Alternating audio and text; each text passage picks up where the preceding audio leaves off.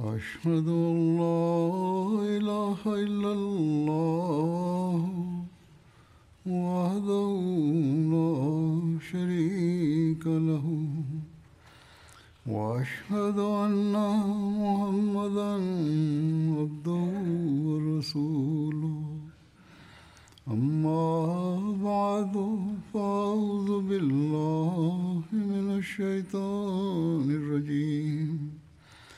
بسم الله الرحمن الرحيم. الحمد لله رب العالمين. الرحمن الرحيم. مالك يوم الدين. إياك نعبد وإياك نستعين. اهدنا الصراط المستقيم صراط الذين أنعمت عليهم غير المغضوب عليهم ولا الضالين berkenaan dengan berbagai peristiwa dalam kehidupan Rasulullah Shallallahu Alaihi Wasallam dalam kaitannya dengan perang Badar. Perang Badar telah berakhir dan Allah Taala telah membawa orang-orang kafir menuju akhir mereka yang pahit. Seperti yang telah disebutkan, ada 70 orang kafir yang terbunuh, termasuk banyak di antaranya para pemimpin dan pemuka mereka sehubungan dengan penguburan para pemuka Quraisy ini tertulis dalam Sahih Bukhari bahwa Hazrat Abdullah bin Mas'ud meriwayatkan suatu ketika Nabi Shallallahu Alaihi Wasallam sedang sholat di dekat Ka'bah. Beliau Hazrat Abdullah tengah menceritakan peristiwa yang melatar belakangi perang Badar.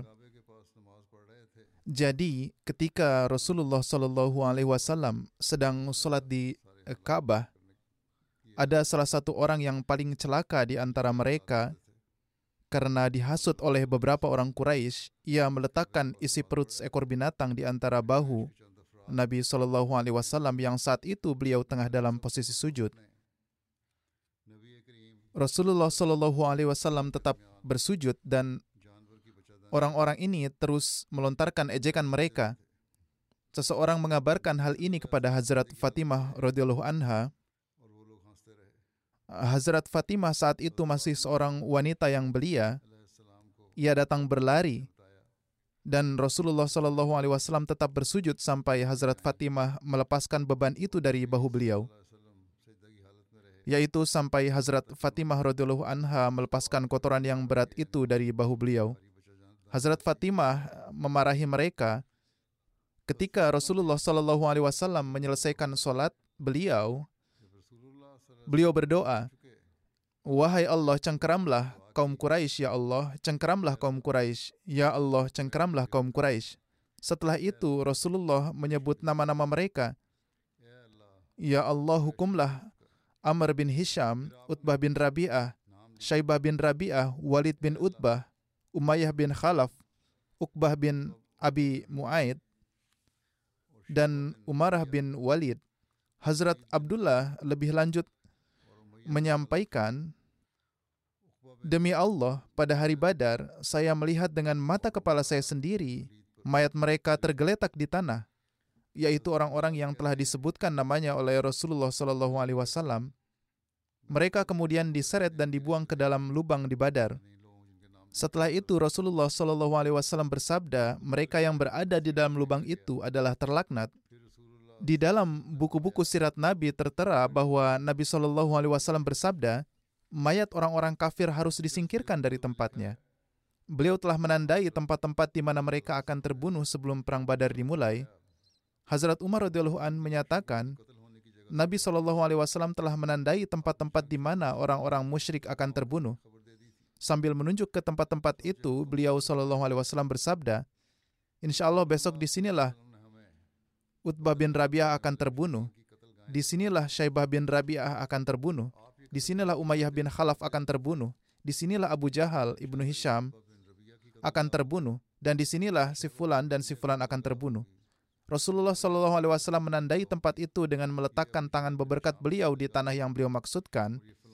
Keesokan paginya dalam perang Badar, jasad mereka terbaring tepat di tempat yang sama di mana Rasulullah Shallallahu Alaihi Wasallam meletakkan tangan beberkat beliau.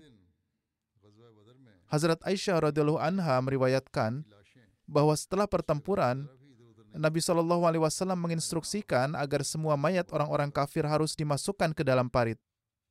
Dengan demikian, mereka semua dimasukkan ke dalam parit kecuali Umayyah bin Khalaf. Tubuhnya menjadi bengkak di dalam baju besinya, dan ketika mereka mencoba mengangkatnya, sebagian dagingnya mulai rontok.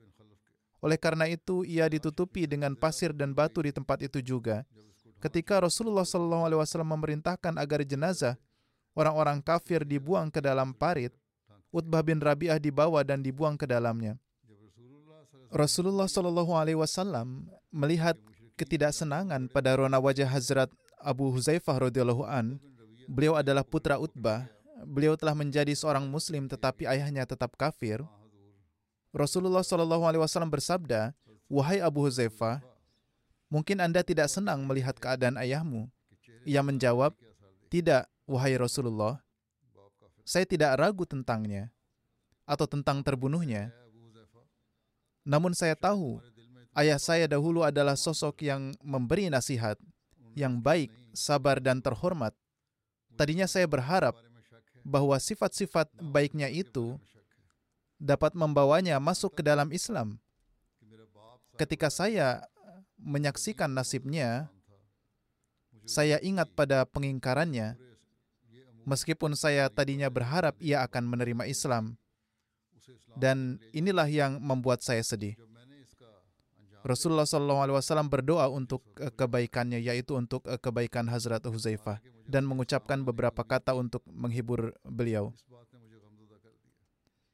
Diriwayatkan oleh Hazrat Abu Talha Ansari radhiyallahu an bahwa pada hari perang Badar, Rasulullah SAW memberi perintah terkait 24 pemuka suku Quraisy dan mereka kemudian ditempatkan di salah satu lubang di Badar.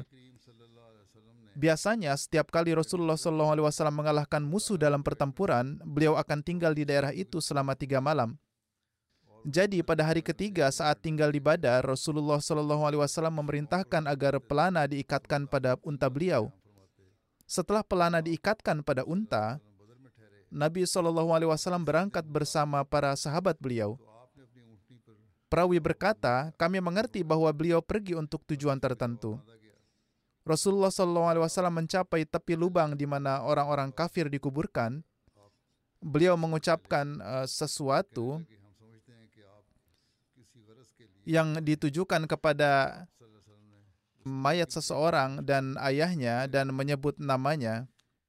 Uh, beliau SAW bersabda, Wahai putra fulan, ahai putra fulan, tidakkah merasa senang bagi kalian saat ini seandainya kalian mematuhi Allah dan Rasul-Nya, karena kami telah mendapatkan bukti kebenaran dari apa yang dijanjikan oleh Tuhan kami. Apakah kalian mendapati kebenaran dari apa yang dijanjikan Tuhan kalian kepada kalian?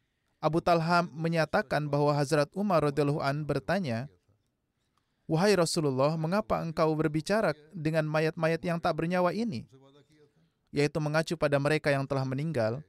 Rasulullah Shallallahu Alaihi Wasallam menjawab, demi zat, yaitu Tuhan yang di tangannya terletak nyawa Muhammad, kalian tidak mendengar apa yang saya katakan dan tidak juga mendengar apa yang mereka alami.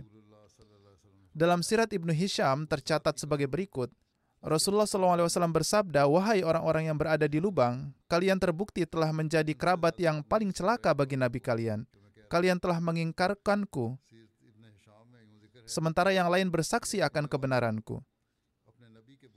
Kalian mengasingkanku dari tanah airku, sementara yang lain memberiku perlindungan. Kalian mengobarkan perang melawanku, sementara yang lain mendukungku. Beliau kemudian bersabda, Hal wajadtum ma wa'adakum rabbukum haqqo. Apakah janji yang diberikan kepadamu oleh Tuhanmu terbukti benar? Hazrat Mirza Basir Ahmad radhiyallahu an telah menulis tentang kejadian ini dalam buku Sirat Khatamun Nabiyin sebagai berikut. Sebelum kembali, Rasulullah SAW pergi menuju lubang di mana para pemimpin Quraisy dikuburkan, dan seraya memanggil nama mereka masing-masing beliau berseru, Hal wajadtum ma wa'adakumullahu haqqan, fa inni wajadtu ma wa'adani Allahu haqqo. Apakah kalian mendapati benar janji yang diberikan tentang kalian oleh Tuhan melaluiku? Sesungguhnya aku telah menemukan kebenaran janji yang diberikan Tuhan kepadaku. Kemudian beliau menambahkan, Ahalil qalibi bi'si ashiratin nabiyyi kuntum li nabiyyikum kazabtumuni wa sadaqaniyan nas wa akhrajtumuni wa awaniyan nas wa qataltumuni wa nasaraniyan nas.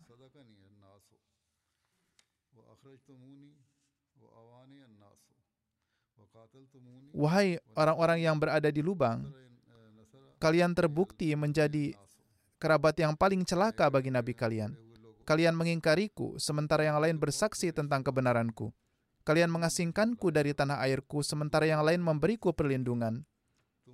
Kalian mengobarkan perang melawanku, sementara yang lain mendukungku. Hazrat Umar radhiyallahu an berkata, "Wahai Rasulullah, mereka sudahlah mati bagaimana mereka bisa mendengar Anda saat ini? Rasulullah SAW bersabda, mereka mendengarku lebih baik daripada kamu mendengarku sekarang. Dengan kata lain, mereka telah mencapai keadaan di mana semua kebenaran menjadi nyata dan tidak ada tabir lagi yang tersisa. Untayan kalimat Rasulullah SAW di atas, di dalamnya bercampur dengan bercampur antara rasa sakit dan kegelisahan yang sangat mengherankan seseorang mungkin mengukur keadaan jiwa Nabi Shallallahu Alaihi Wasallam yang beliau alami saat itu. Dan dalam alam pikiran beliau, beliau tengah membalik satu persatu lembaran halaman dan hati beliau menjadi gelisah dengan menelaah lembaran itu. Kata-kata Rasulullah Wasallam ini juga merupakan bukti nyata bahwa yang harus bertanggung jawab dari dimulainya rangkaian perang ini adalah terletak sepenuhnya pada orang-orang kafir Mekah. Seperti yang terlihat dari sabda Rasulullah SAW berikut ini. Qatal tumuni wa nasaraniyan nas. Wahai umatku, kalian telah mengobarkan perang melawanku, sementara yang lain mendukungku.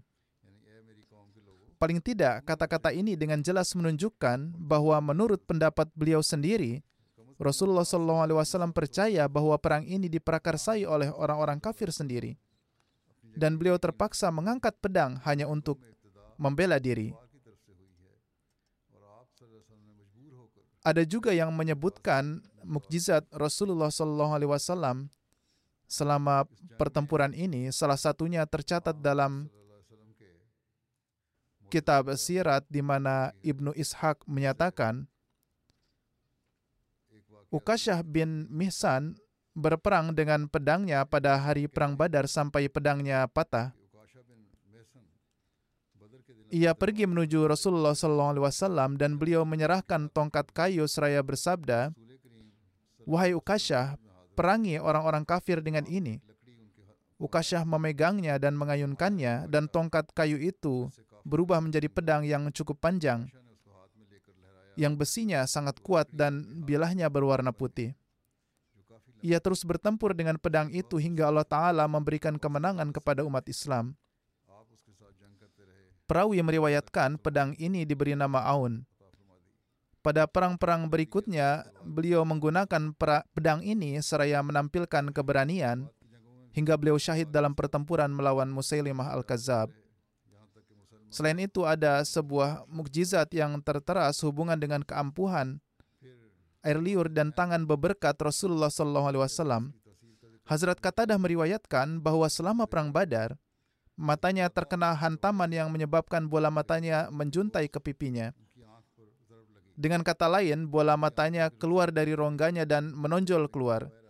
Ia bermaksud untuk mencabut dan membuangnya. Para sahabat menyampaikan hal ini kepada Rasulullah SAW. Beliau bersabda, tidak, ia seharusnya jangan melakukan ini. Beliau SAW memanggil Hazrat Katadah dan dengan menggunakan telapak tangan beliau, beliau SAW memasukkan matanya kembali ke dalam rongganya. Yaitu beliau meletakkannya kembali ke dalam rongganya. Hazrat Katada meriwayatkan ia bahkan lupa bahwa matanya pun pernah terluka sebelumnya. Matanya dikembalikan dan disembuhkan sedemikian rupa sehingga ia tidak menyadari bahwa ada matanya yang terluka yang pernah keluar. Bahkan mata yang terluka ini nampak lebih indah dari matanya yang lainnya. Dalam beberapa buku, kejadian tentang mata yang disembuhkan ini dikatakan terjadi selama pertempuran Uhud.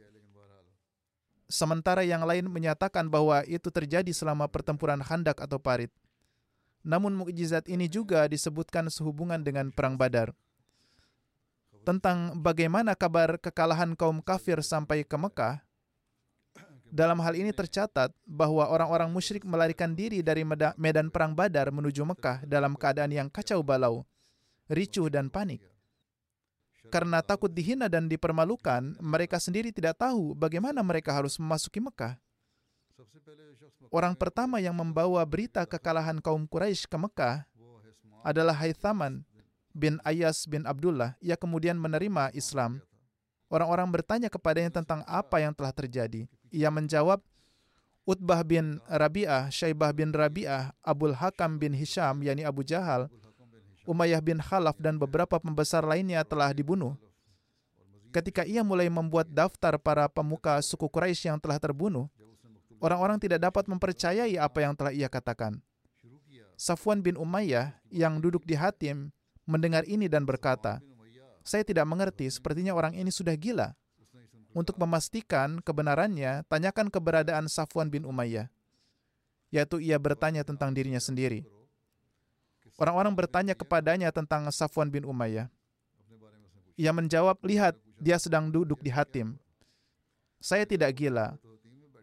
Saya melihat semuanya dengan jelas." Demi Tuhan, saya telah menyaksikan ayah dan saudara laki-lakinya telah dibunuh dengan mata kepala saya sendiri.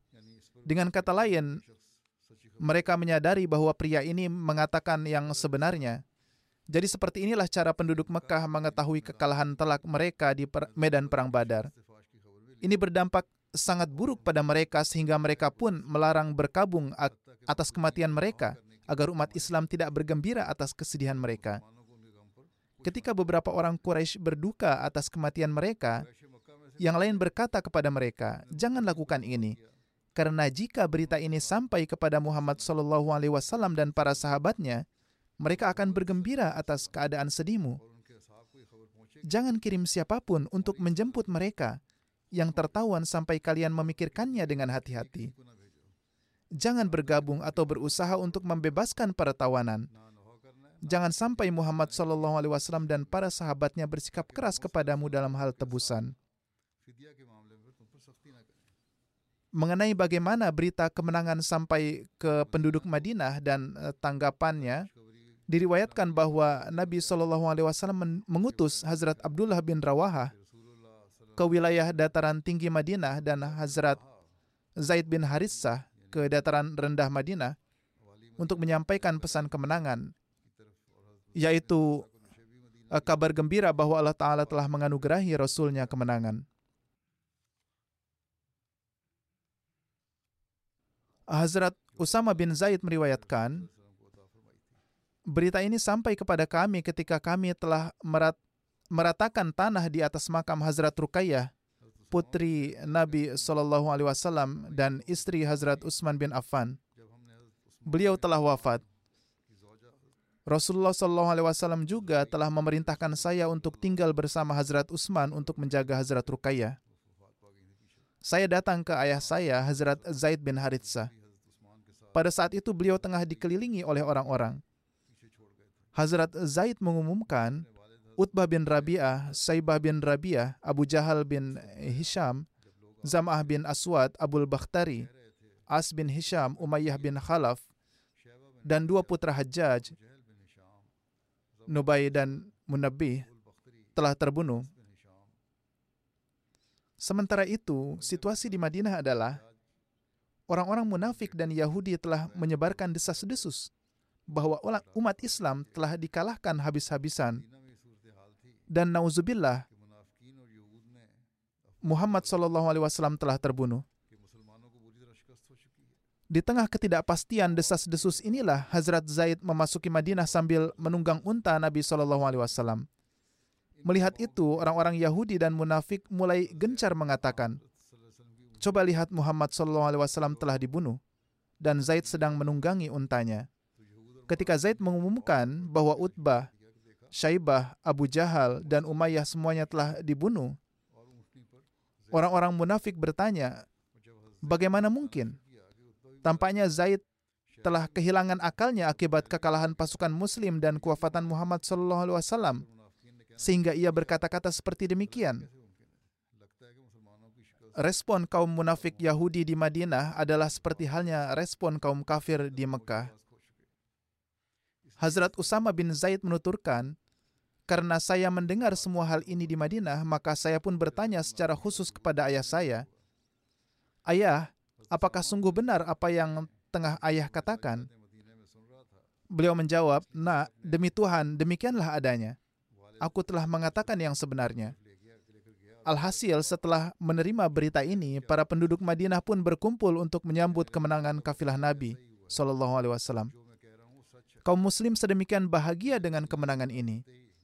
Mereka sangat menunggu kepulangan baginda Rasulullah Wasallam seluruh Muslim tidaklah ikut serta di perang Badar ini karena tidak terbesit pemikiran untuk perang saat mereka berangkat. Mendengar kedatangan Rasulullah Wasallam, ada beberapa orang Muslim yang pergi keluar Madinah untuk menyambut beliau. Di Rauha, mereka berjumpa dengan baginda Rasulullah Wasallam. Kegembiraan mereka tidak terhingga mereka mengucapkan selamat atas kemenangan beliau Wasallam atas kaum kafir. Kemudian Rasulullah Wasallam tiba di Madinah. Segenap kaum Muslim di sana menyambut kedatangan Rasulullah Wasallam. Di perang ini berkenaan dengan harta ganimah, tertera bahwa dengan kemenangan ini kaum Muslim mendapat 150 ekor unta dan 10 kuda. Selain itu ada berbagai jenis senjata, kain, kulit-kulit, dalam berbagai warna yang banyak sekali jumlahnya dan juga wall yang saat itu dibawa bersama mereka. Rasulullah SAW menempatkan bagian beliau setara dengan bagian para sahabat. Di perang ini, seorang sahabat menyimpan satu, satu pedang dan menyerahkannya kepada Rasulullah SAW, dan ada satu unta dari antara unta-unta Abu Jahal yang menjadi bagian Rasulullah SAW, yang di hidungnya terdapat tanda dari perak pedang dan unta ini disebutkan secara khusus di buku-buku sejarah. Rinciannya adalah pedang itu bernama Zulfikar. Sebelumnya dimiliki oleh seorang musyrik yaitu As bin Munabbi bin Hujaj yang tewas di perang Badar. Menurut beberapa riwayat, pedang ini sebelumnya adalah milik Abu Jahal. Rasulullah eh, SAW telah menamakannya dengan Zulfikar dinamakan Zulfikar adalah karena pedang ini memiliki dua cabang.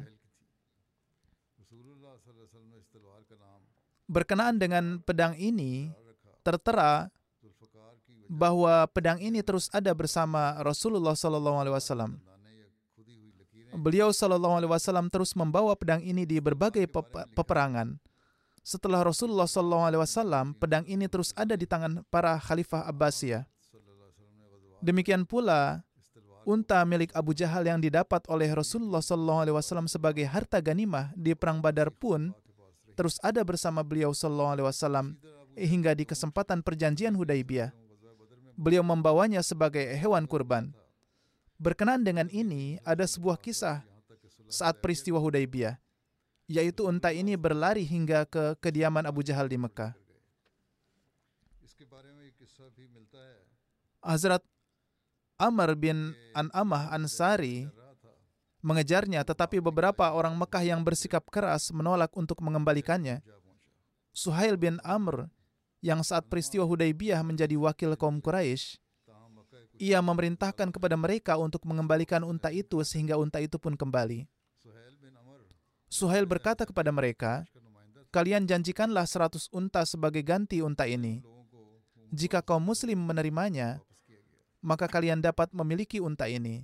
Jika tidak, kembalikanlah unta ini.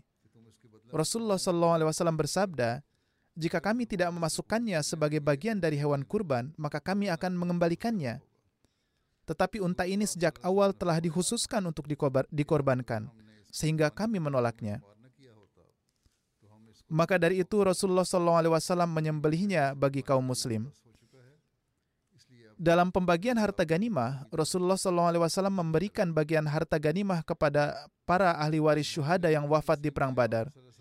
Demikian pula, beliau pun memberikan bagian kepada para wakil yang beliau tunjuk di Madinah dan juga kepada para sahabat yang diberikan tugas-tugas tertentu sehingga mereka tidak dapat ikut di Perang Badar.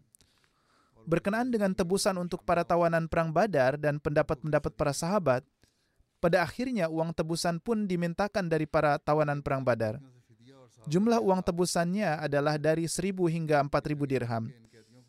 Bagi mereka yang tidak sanggup membayar uang tebusan, kepada mereka diberi syarat untuk mengajarkan baca tulis untuk anak-anak Madinah, dan dengan ini mereka akan dibebaskan.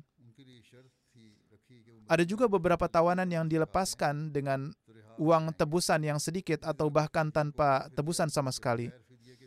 Terdapat berbagai jenis riwayat tentang uang tebusan ini. Sebagian darinya justru menimbulkan keraguan berkenaan dengan ini, Hazrat Muslim Maud radhiyallahu an telah menerangkan tentang hal ini. Di dalam kitab-kitab hadis ada riwayat yang saling bertentangan tentang uang tebusan para tawanan di peristiwa perang Badar ini. Dan hal ini akan saya jelaskan di sini.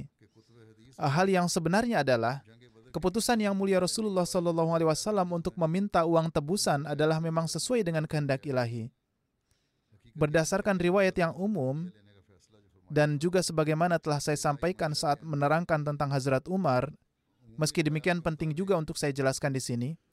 Hazrat Ibnu Abbas menyampaikan bahwa tatkala pasukan mus muslim menangkap para tawanan di perang Badar, Rasulullah SAW bersabda kepada Hazrat Abu Bakar dan Hazrat Umar tentang bagaimana pendapat keduanya. Hazrat Umar menjawab, "Wahai utusan Allah, mereka adalah sepupu dan kerabat kita menurut saya hendaknya dimintakan uang tebusan dari mereka. Dan ini akan menjadi tanda keunggulan kita terhadap kaum kafir. Dan dengan ini semoga Allah Ta'ala akan membimbing mereka menuju Islam. Rasulullah SAW bersabda kepada Hazrat Umar, Ibnu Khattab, bagaimana pendapatmu? Hazrat Umar menjawab, tidak wahai Rasulullah, demi Allah pendapat saya bukanlah sebagaimana pendapat Abu Bakar.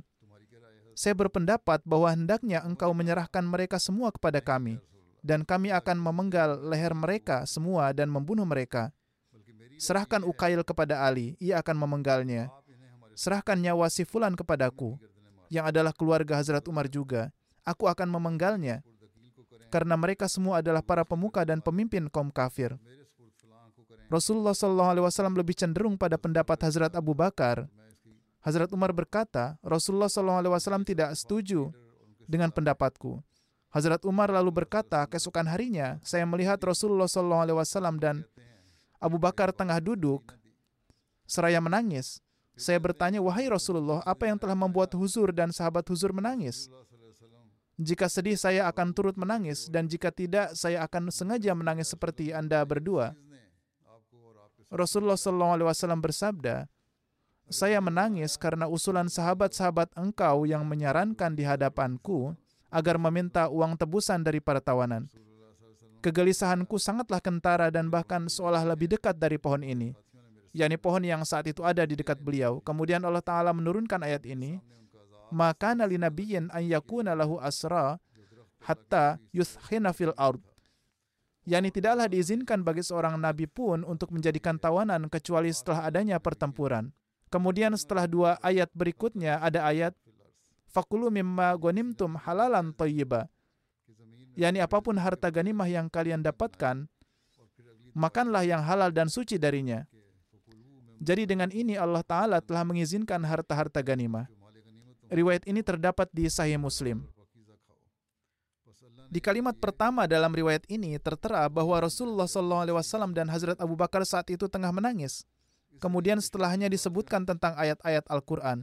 Namun pembahasan yang diterangkan di dalamnya seolah menjadikan riwayat ini dalam keraguan dan ketidakjelasan. Alhasil, sebagian besar buku-buku sejarah, sirat, dan para ahli tafsir telah memahami riwayat ini secara benar bahwa Allah Ta'ala seolah telah menampakkan kemarahan atas keputusan meminta uang tebusan dari para tawanan perang Badar dan Allah lebih menyukai pendapat Hazrat Umar. Para penulis sejarah peri kehidupan Hazrat Umar tatkala mereka membuat bab tersendiri tentang perintah Al-Qur'an apa saja yang turun dikarenakan pendapat-pendapat Hazrat Umar, maka di dalamnya tertera tentang para tawanan di perang Badar bahwa Allah Ta'ala lebih mengutamakan pendapat Hazrat Umar. Hal ini justru membingungkan dan menjadikan orang tidak mengerti. Tampaknya para ahli sejarah dan ahli tafsir telah salah dalam memahami perkara ini. Alhasil Hazrat Muslim Maud radhiyallahu an dalam menjelaskan hal ini di dalam catatan beliau tentang tafsir ini yang belum tercetak, saya sampaikan di sini dan ini menolak riwayat-riwayat tersebut. Apa yang telah dijelaskan oleh Hazrat Muslim Maud inilah yang tampak lebih benar. Riwayat ini tampaknya dimaksud untuk meninggikan kedudukan Hazrat Umar sehingga beberapa ahli tafsir pun mem membuatnya atau mereka telah salah dalam memahaminya. Alhasil Hazrat Muslim Maud radhiyallahu an dalam menerangkan tafsir surat Al-Anfal ayat 68 beliau bersabda, sebelum Islam terdapat kebiasaan di Arab dan sangat disayangkan bahwa di beberapa tempat di dunia pun hingga kini kebiasaan ini terus berjalan. Yakni mereka menangkap tawanan meskipun tidak terjadi pertempuran dan menjadikannya hamba sahaya. Masa yang dimaksud di sini adalah saat Hazrat Muslim Maud menulis tafsir ini. Ayat ini meniadakan adat buruk ini dan dengan kata yang lugas memerintahkan bahwa hanya dalam keadaan peperanganlah dan setelah bertempurlah maka musuh dapat dijadikan tawanan. Jika tidak terjadi pertempuran, maka tidak diizinkan menjadikan musuh sebagai tawanan. Ayat ini telah ditafsirkan secara salah. Mereka menyatakan, tatkala kaum muslim menangkap beberapa tawanan di perang Badar, Rasulullah SAW dan para sahabat bermusyawarah untuk mengambil putusan terkait para tawanan itu. Hazrat Umar berpendapat agar mereka dibunuh saja. Hazrat Abu Bakar berpendapat agar diminta uang tebusan dari mereka lalu dibebaskan. Yang mulia Rasulullah SAW menyukai pendapat Abu Bakar radhiyallahu an dan turunlah ayat ke-68 surat Al-Anfal yaitu tidaklah diizinkan bagi satu sosok nabi pun untuk melakukan pertumpahan darah. Jadi, Hazrat Muslim Maud dalam menerangkan hal ini bersabda bahwa pendapat Hazrat Abu Bakar adalah bertolak belakang dengan pendapat Hazrat Umar. Dan yang mulia Rasulullah SAW lebih memilih saran Hazrat Abu Bakar dan beliau mengambil tebusan dari para tawanan lalu membebaskan mereka. Meski demikian, para ahli tafsir mengatakan bahwa tatkala ayat ini turun, maka di sini seolah Tuhan tidak suka dengan apa yang dilakukan oleh Rasulullah SAW atau mereka sengaja membuat-buat riwayat ini untuk lebih mengutamakan ucapan Hazrat Umar radhiyallahu an. Meskipun tindakan ini justru merendahkan derajat Rasulullah sallallahu. Jadi mereka berkata bahwa Allah Taala tidak menyukai perbuatan Rasulullah sallallahu. Ini para tawanan hendaknya dibunuh dan uang tebusan hendaknya jangan diminta dari mereka. Ini tertera di tafsir Tabari. Hazrat Muslim Maud menulis, penafsiran ini adalah salah. Pertama, semenjak Allah Ta'ala belum menurunkan perintah untuk meminta uang tebusan bagi tawanan sebelum membebaskannya, maka pilihan Rasulullah SAW untuk menerima tebusan dari tawanan itu tidaklah dapat dijadikan keberatan. Kedua, sebelumnya, Rasulullah SAW pun saat peristiwa di Nakhlah telah membebaskan dua orang dengan syarat tebusan. Dan atas hal ini Allah Ta'ala tidaklah menampakkan ketidakridoannya.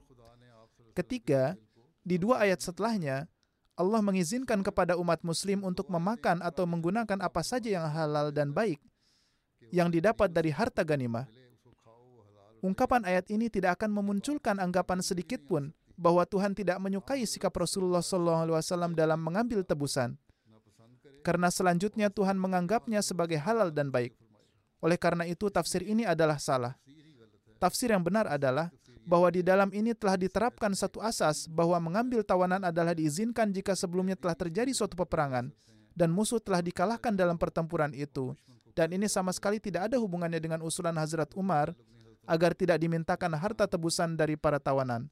Penafsiran ini jugalah yang dimiliki oleh beberapa ahli tafsir Al-Quran seperti Allamah Imam Razi dan ahli penulis sejarah Allamah Shibli Nu'mani dan ini seperti telah dijelaskan oleh Hazrat Muslim Autoradullahu an Hazrat Mirza Bashir Ahmad Sahib pun menulis tentang hal ini sebagai berikut. Setiba di Madinah, Rasulullah SAW meminta musyawarah terkait para tawanan, yaitu apa yang hendaknya dilakukan kepada mereka. Adat istiadat Arab secara umum adalah para tawanan akan dibunuh atau dijadikan hamba sahaya seumur hidup. Namun hati nurani yang mulia Rasulullah SAW sangat tidak menyukai perlakuan ini. Saat itu belum turun suatu peristiwa ilahi terkait hal ini. Hazrat Abu Bakar menyampaikan, menurut pendapat saya, hendaknya diminta harta tebusan dari mereka lalu mereka dibebaskan. Karena sesungguhnya mereka adalah kerabat kita juga.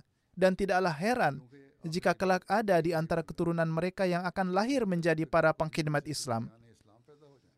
Hazrat Umar menentang pendapat ini dan berkata, hendaknya tidak ada unsur kekeluargaan dalam perkara keagamaan. Dan mereka ini adalah orang-orang yang telah patut dibunuh akibat kelakuan-kelakuan mereka. Jadi menurut pendapat saya, mereka semua hendaknya dibunuh. Bahkan hendaknya diperintahkan agar kaum muslim membunuh sanak keluarga mereka dengan tangan mereka sendiri. Rasulullah SAW sesuai dengan fitrat belas kasih beliau, lebih memilih pendapat Hazrat Abu Bakar dan memilih putusan yang bertolak belakang dengan pembunuhan. Beliau memerintahkan agar kaum musyrik membayar harta fidyah mereka dan dengan ini mereka akan dibebaskan. Alhasil selanjutnya turunlah perintah ilahi yang sesuai dengan ini. Jadi tatkala perintah ilahi yang telah turun pun adalah tentang membayar tebusan, sebagaimana Hazrat Khalifatul Masih Sani pun telah menjelaskannya, maka adalah tanpa aneh jika justru menjadikan hadis sebagai dasar. Padahal disebutkan bahwa Rasulullah SAW dan Hazrat Abu Bakar sebelumnya tampak menangis. Alhasil, alhasil Hazrat Mirza Bashir Ahmad Sahib menulis. Maka dari itu telah ditetapkan bagi setiap orang seribu hingga empat ribu dirham sebagai biaya tebusan bagi para tawanan dan setelahnya ia dapat dibebaskan. Insya Allah ini akan berlanjut kemudian. Setelah sholat Jumat, saya akan memimpin sholat jenazah gaib. Yang pertama adalah Tuan Rana Abdullah Hamid Khan, Khatgari yang merupakan mubalik jemaat dan naib Nazim Mal Wakfi Jadid di Pakistan. Beliau wafat beberapa hari yang lalu di usia 70 tahun. Innalillahi wa inna ilaihi roji'un.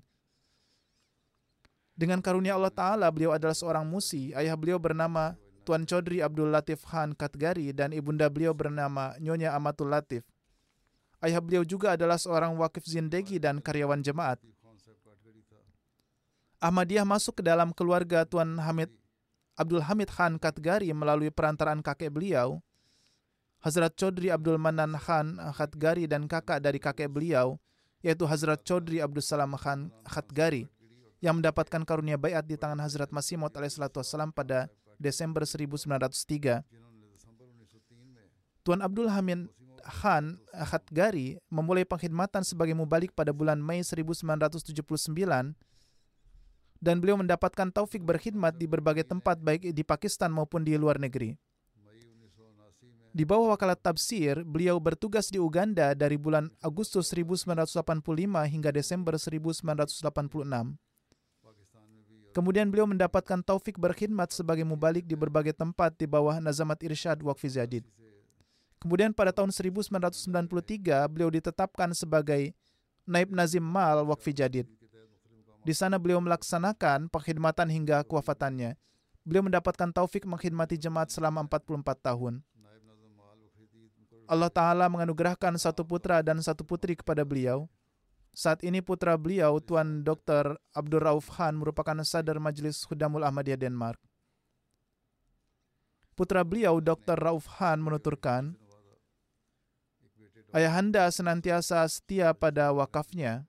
Ketika bertugas di Uganda, alasan kepulangan beliau begitu cepat adalah karena para pemberontak telah menggulingkan pemerintahan di sana dan mengusir orang-orang asing. Semasa bertugas di Uganda, missionary in charge di sana, Tuan Mahmud Bati mengirimkan Al-Quran kepada ayahandanya, kepada ayahanda di Kampala untuk tujuan tablik. Di masa itu, di wilayah tersebut mulai terjadi perang saudara. Orang-orang terpaksa mengungsi di masa pengungsian itu, ayahanda jatuh sakit dan karena tidak ada rumah sakit yang dekat dan tidak tersedianya bantuan, orang-orang meninggalkan ayahanda di sebuah kamar. Daerah tersebut eh, direbut oleh para pemberontak. Para pemberontak mencari ke setiap penjuru untuk melihat apakah ada orang di sana. Ketika itu seorang pemberontak juga masuk ke kamar di mana beliau berada, tetapi beliau sedang berbaring dan para pemberontak itu meninggalkan beliau karena mengira beliau telah meninggal.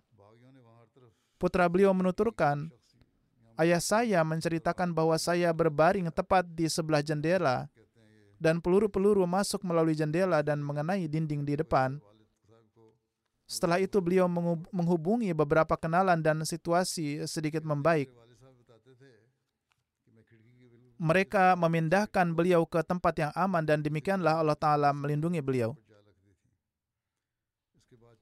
Beliau memiliki jalinan kesetiaan dan kecintaan yang luar biasa dengan khilafat. Beliau adalah sosok yang sederhana dan pandai bergaul.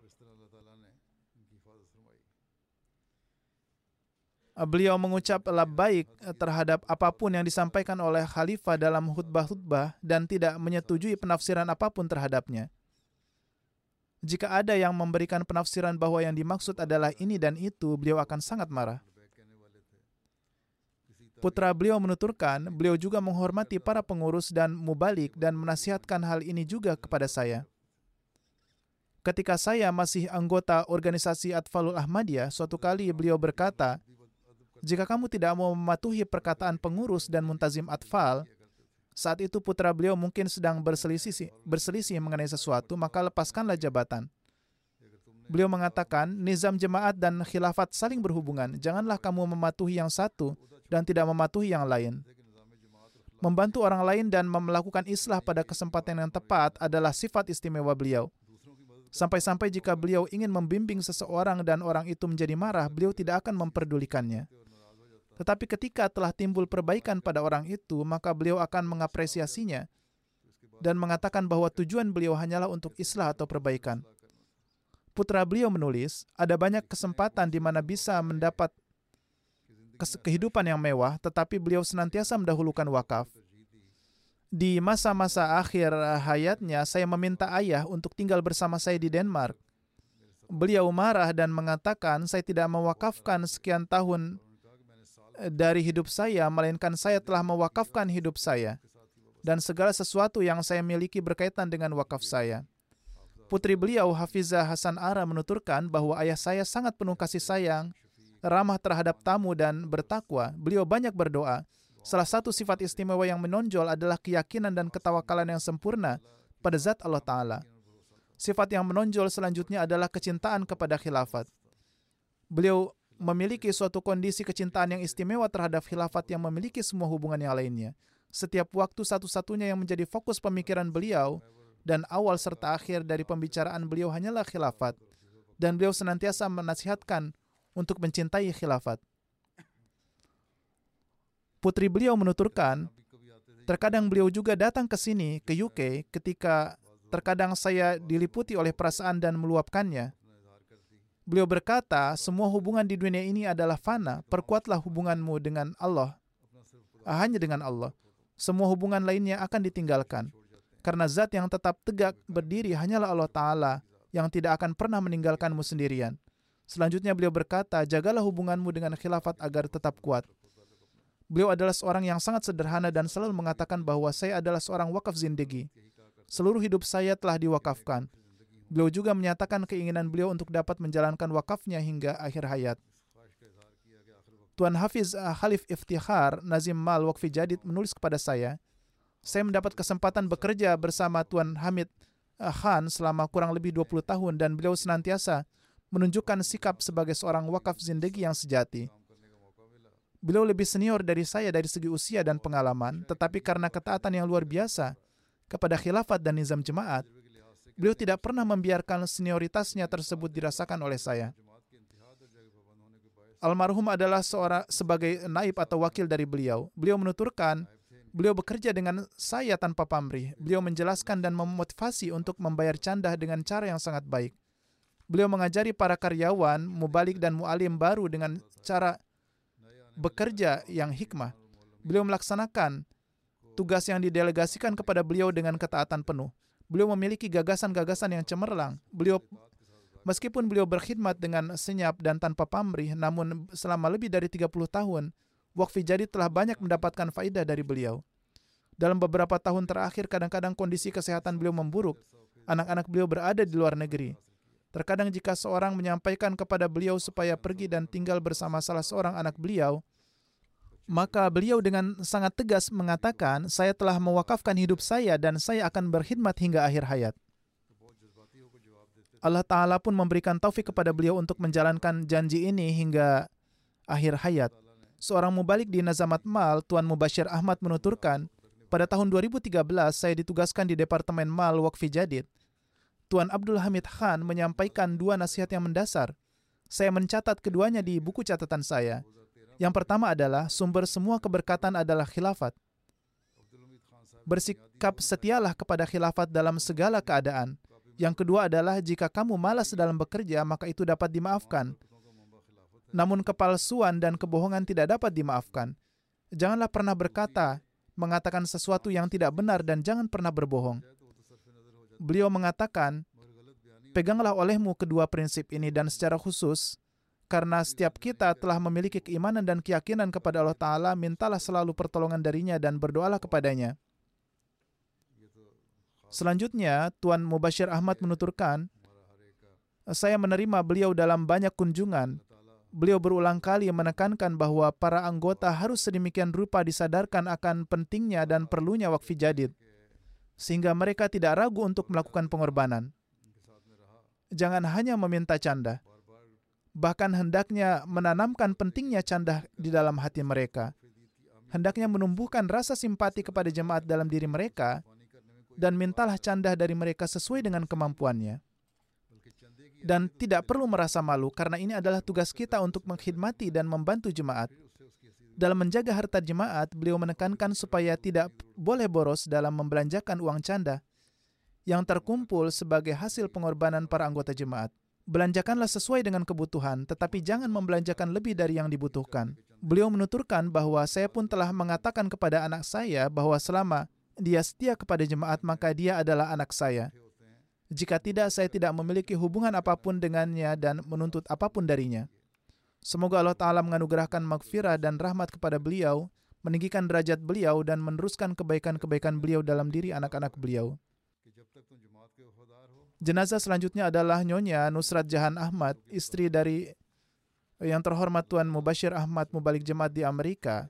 Beliau juga wafat beberapa hari yang lalu. Innalillahi wa inna ilaihi rojiun almarhumah bersama suaminya Tuan Mubashir Ahmad dan tiga anaknya pindah ke Amerika pada tahun 1972. Mereka tinggal di Washington. Pada tahun 1988, suami beliau mendapatkan taufik mewakafkan diri dan almarhumah menjalani hidup dengan kesederhanaan dan rasa syukur sepanjang hidupnya. Ketika suami beliau, Tuan Mubashir mewakafkan diri, sejak itu beliau menjalankan tugas sebagai mubalik. Almarhumah bersama suaminya menjalani kehidupan dengan penuh kesederhanaan dan rasa syukur. Dengan karunia Allah Ta'ala, almarhumah adalah seorang musia. Beliau terdepan dalam pengobatan, pengorbanan harta. Beliau memiliki hubungan kecintaan yang erat dengan khilafat. Dari tahun 1977 hingga 2007, beliau mendapat taufik berkhidmat di Lajnah Ima'illah pada berbagai posisi. Naib sadar baik lokal, naib sadar lokal, sadar wilayah, dan lain sebagainya beliau menyusun program pertabligan dengan kerja keras dan dedikasi yang tinggi untuk menyebarkan Islam Ahmadiyah. Beliau juga menyelenggarakan berbagai program untuk talim dan tarbiyah lajnah dan nasirat. Beliau juga memberikan pendidikan agama yang baik untuk anak-anaknya. Demikian juga beliau mendorong mereka untuk memperoleh pendidikan duniawi. Di antara yang ditinggalkan selain suami juga dua putra dan dua putri. Dengan karunia Allah Ta'ala, keempat anak almarhumah adalah para anggota jemaat yang aktif dan mendapatkan taufik menghidmati agama.